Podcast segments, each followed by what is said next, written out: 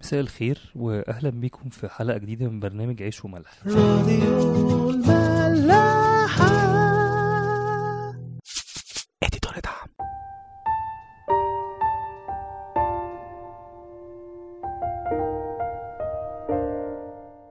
كنا بدأنا مع بعض الحلقة اللي فاتت آه، نفسر المزمور التاني ووصلنا لغاية الآية رقم ستة. يعني خلصنا لغاية الآية رقم خمسة. كنا اتكلمنا عن مشورة الأمم وملوك الأمم والشعوب إن هي بتفكر دايما في مؤامرات ضد الله ضد مشورة ربنا وضد مملكة المسيح. واتحدوا الملوك على الرب وعلى مسيحه. نكمل مع بعض. بيقول أما أنا فقد مسحت ملكي على صهيون جبل القدسي إني أخبر من جهة قضاء الرب. قال لي أنت ابني أنا اليوم ولدتك. اسألني فأعطيك الأمم ميراثا لك وأقاصي الأرض ملكا لك. تحطمهم بقضيب من حديد مثل إناء خزاف تكسرهم. فالآن يا أيها الملوك تعقلوا تأدبوا يا قضاة الأرض. اعبدوا الرب بخوف واهتفوا برعدة. قبلوا الإبن لئلا يغضب فتبيدوا من الطريق. لأنه عن قليل يتقد غضبه. طوبى لجميع المتكلين عليه. هللويا. هنا بيتكلم المزمور آه، في نبوءة واضحة جدا عن المسيح يعني. دي من الحاجات اللي كنا اتكلمنا فيها في أول حلقة إن المزامير في كتير منها بيتكلم في نبوات واضحة جدا وصريحة عن المسيح. وهنا كمان بيتكلم عن المسيح الملك يعني. بدأ الآية رقم ستة الله الآب بقى بيتكلم يعني. أما أنا فقد مسحت ملكي على صهيون جبل القدسي خلاص أنا مسحت الملك ده. اللي هو المسيح طبعا على المملكة السمائية صهيون هنا صهيون جبل قدسي بترمز لمملكة السماء. زي ما قلنا الحلقة اللي فاتت المسيح لما نزل على الأرض قال مملكتي ليست من هذا العالم. الله الأب أصدر حكم أو أمر بتكوين المملكة الجديدة مملكة السماء وعين المسيح ملك ليها. مين المسيح؟ أنت ابني. في الآية رقم سبعة. قال له إني أخبر من جهة قضاء الرب قال لي أنت ابني أنا اليوم ولدتك. هنا عايز يأكد على إن المسيح ده ابن الله. ابن حقيقي مش مش بالتبني. ابن ليه كل الصفات. ابن وارث كل صفات الله. هو الله هو أقنوم الابن. الله ظهر في الجسد. فهو هنا بيأكد على الحقيقة دي بيقول أنت ابني وأنا اليوم ولدتك. اسألني فأعطيك الأمم ميراثا لك. أنت اللي هتغلب أقاصي الأرض ملكا لك أنت اللي هتملك. تحطمهم بقضيب من حديد أنت اللي هتغلب في الآخر. أنت اللي هيبقى معاك كل ال- الموضوع أنت اللي معاك كل ال- العالم ده كله هيبقى ملك إيديك. أنت ضابط الكل. هنا بيأكد المزمور على إن المسيح هو ابن الله الوحيد اللي ورث كل صفاته واللي الله ملكه على هذه المملكة.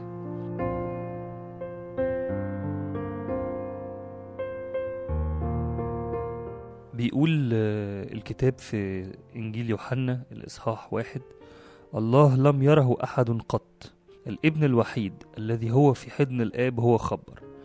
معناها إيه الآية دي؟ معناها إنه المسيح ده هو الله لكن الله محدش يقدر يشوفه. مين يعرفنا مين هو الله؟ الله كان بيظهر أو بيتكلم في العهد القديم لكن المسيح اللي هو الابن الوحيد الذي في حضن الآب اللي من الأزل في حضن الآب خبر. خبر يعني يوضح لنا صفات الله. المسيح هو الله ليه كل صفاته حامل كل صفاته. هنا نخلي بالنا في المزمور ده بيتكلم عن الابن الابن الوحيد اللي هو الملك. الابن ده هو اللي هيملك في الآخر. وكل اللي هيؤمن بالمسيح ويخضع ليه هياخد نفس الميراث هياخد نفس الصفات اللي هي صفات الآب. طبعا ده كلام كبير. والموضوع ده دايما يخضنا. أنا شخصيا بيخضني. يعني إيه أخد صفات الآب؟ لكنه مكتوب ولكنه مثبت. واللي هيدور كويس هيلاقي في كلام المسيح كتير جدا بيتكلم عن الموضوع ده. الآب هنا بيتكلم عن إن المملكة الجديدة دي اللي هيكون مالكها المسيح اللي هو الابن ابن الله الوحيد المملكة دي هتغلب. هي دي اللي هتغلب في الآخر. وكل الخاضعين للمملكة دي كل اللي هيبقوا تابعين المسيح هيمشوا في موكب النصره ده مع المسيح للآخر. آه هيتعبوا في الأرض هيتحاربوا هي كل ملوك الأمم وكل العالم هيكون ضدهم لكن في الآخر هم اللي هيغلبوا العالم. بيقول في الآية تسعة تحطمهم بقضيب من حديد ده رمز القوة هت- هتسحق كل أعدائك. مثل إناء خزاف تكسرهم يعني زي ما يكون معايا حاجة فخار كده هرميها في الأرض هتتكسر بسهولة. بيكمل في الآية عشرة بيقول فالآن أيها الملوك تعقلوا. اهدوا بقى كده وإيه بلوا ريقكوا كده واستنوا شوفوا كده هنقول إيه. تأدبوا يا قضاة الأرض اعبدوا الرب بخوف. آه هو بيهدد لكن بيدي الحل معاه يعني يا جماعة تعقلوا تأدبوا واعبدوا الرب اهتفوا برعدة قبلوا الإبن. قبلوا الإبن دي كان في عادة زمان اللي طبعا وممكن تكون لسه موجودة اللي هو إن أنا ممكن لما يكون قدامي ملك أسجد له وأقبل رجله. ده معناها رمز للخضوع. قبلوا الابن يعني قبلوا مثلا يد الابن أو قبلوا رجل الابن. معناها رمز للخضوع. هو بيقول لهم هنا اخضعوا للمسيح اخضعوا لمملكة المسيح. لئلا يغضب. فتبيدوا من الأرض. طبعا معروف اللي هيكون مش مع المسيح نصيبه هيكون فين؟ لأنه عن قليل يتقد غضبه طوبى لجميع المتكلين عليه. هللويا. راديو ملاح. عايز أتأمل معاكم في في الحاجة اللي قريتها في تفسيرات المزمور ده والحاجة اللي عجبتني قوي إن هو الله الآب أسس المملكة الجديدة بالقرار وبالمسحة مسحة المسيح ملك لكنه ابن يا جماعة. حتة أو كلمة ابن اللي بتتكرر كتير هنا أنا حسيت إنه الله الآب عايز من الأول كده من أول مثلا المزمور التاني ينقل لنا العلاقة اللي المفروض إحنا نعيشها معاه علاقة أبناء. فأنا ملكت ابني عليكم ابني الوحيد اللي حامل كل صفاتي. والله الآب نقل لنا بكلمة إن المسيح هو ابني نقل لنا صورة للعلاقة أو لطريقة الحياة اللي إحنا المفروض نعيشها مع ربنا. كان ممكن المسيح يبقى اسمه مثلا معلم الله أو ممكن يكون مثلا آه، أي حاجة مثلا. الملك هو اسمه ليه أسامي كتير طبعا أكيد يعني لكن دايما حتة ابن الله دي اللي عنده ابن يا جماعة أو عنده بنت هي هيفهم قوي الموضوع ده. هو ربنا حتة ابن دي معناها إن هو عايز يقول لنا يا جماعة أنا أنا أنا أب بقى. أنا تجاهكم أنا بحس بمشاعر الأب. أنا عايز إن أنتوا تكونوا أبنائي. مش عايز عبودية مش عايز أي علاقة تانية مش عايز آه، تبعية من أي نوع آخر. أنا عايز تبعية أبناء. والعلاقة أو يعني محور العلاقة بين أي أب وأي ابن مفروض يعني أكيد يعني معظم الوقت أو ده الأصل في الموضوع. حقيقة العلاقة دي هي حب حب غير محدود حب برغم من كل شيء حب بالرغم من الابن ده ممكن يكون مش مش كويس. آه، ممكن يكون حتى ما بيحبش أبوه. ممكن يكون بيعمل حاجات غلط كتير. ممكن يكون ملوش علاقة مش مهتم بأبوه. لكن الأب دايما وأكيد اللي عنده أولاد هيفهم اللي أنا هقوله ده الأب دايما باصص للابن بطريقة مختلفة خالص. يغلط مش مشكلة. هيجيلي هسامحه. آه، يبعد هيرجع لي خلاص. ولا كأن حاجة حصلت. وده بجد. الأسوأ مش مش من طبع آباء أبدا يعني مفيش أسوأ في محبة في اهتمام في كمان أنا همي مصلحة الابن ده. آه بزعل على وضعه بزعل على بعده بزعل على خطيته بزعل إنه بيعمل حاجة غلط بزعل إنه بيزعلني لكن عمري عمري ما ببيعه عمري ما بهينه عمري ما بصرش عليه عمري ما باخدوش في حضني. هنا هنا عايز يقول لنا كده يا جماعة ده ابني. الثالوث القدوس بينقل للبشر حتة ال- البنوة دي. أنا عايزكم أبناء.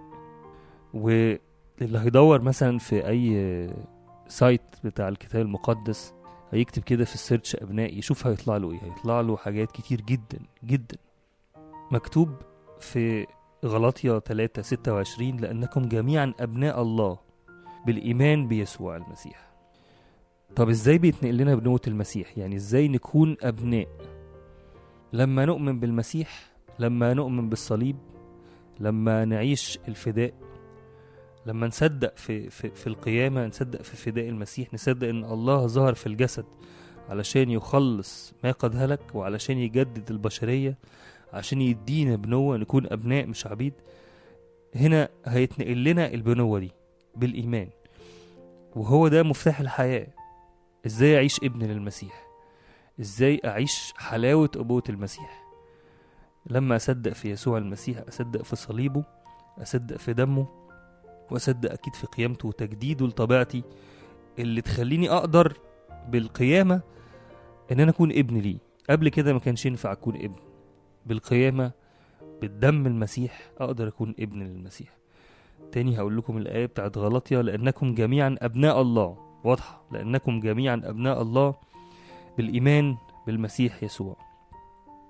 نفسي كلنا نفكر في الموضوع ده بشكل مختلف النهاردة.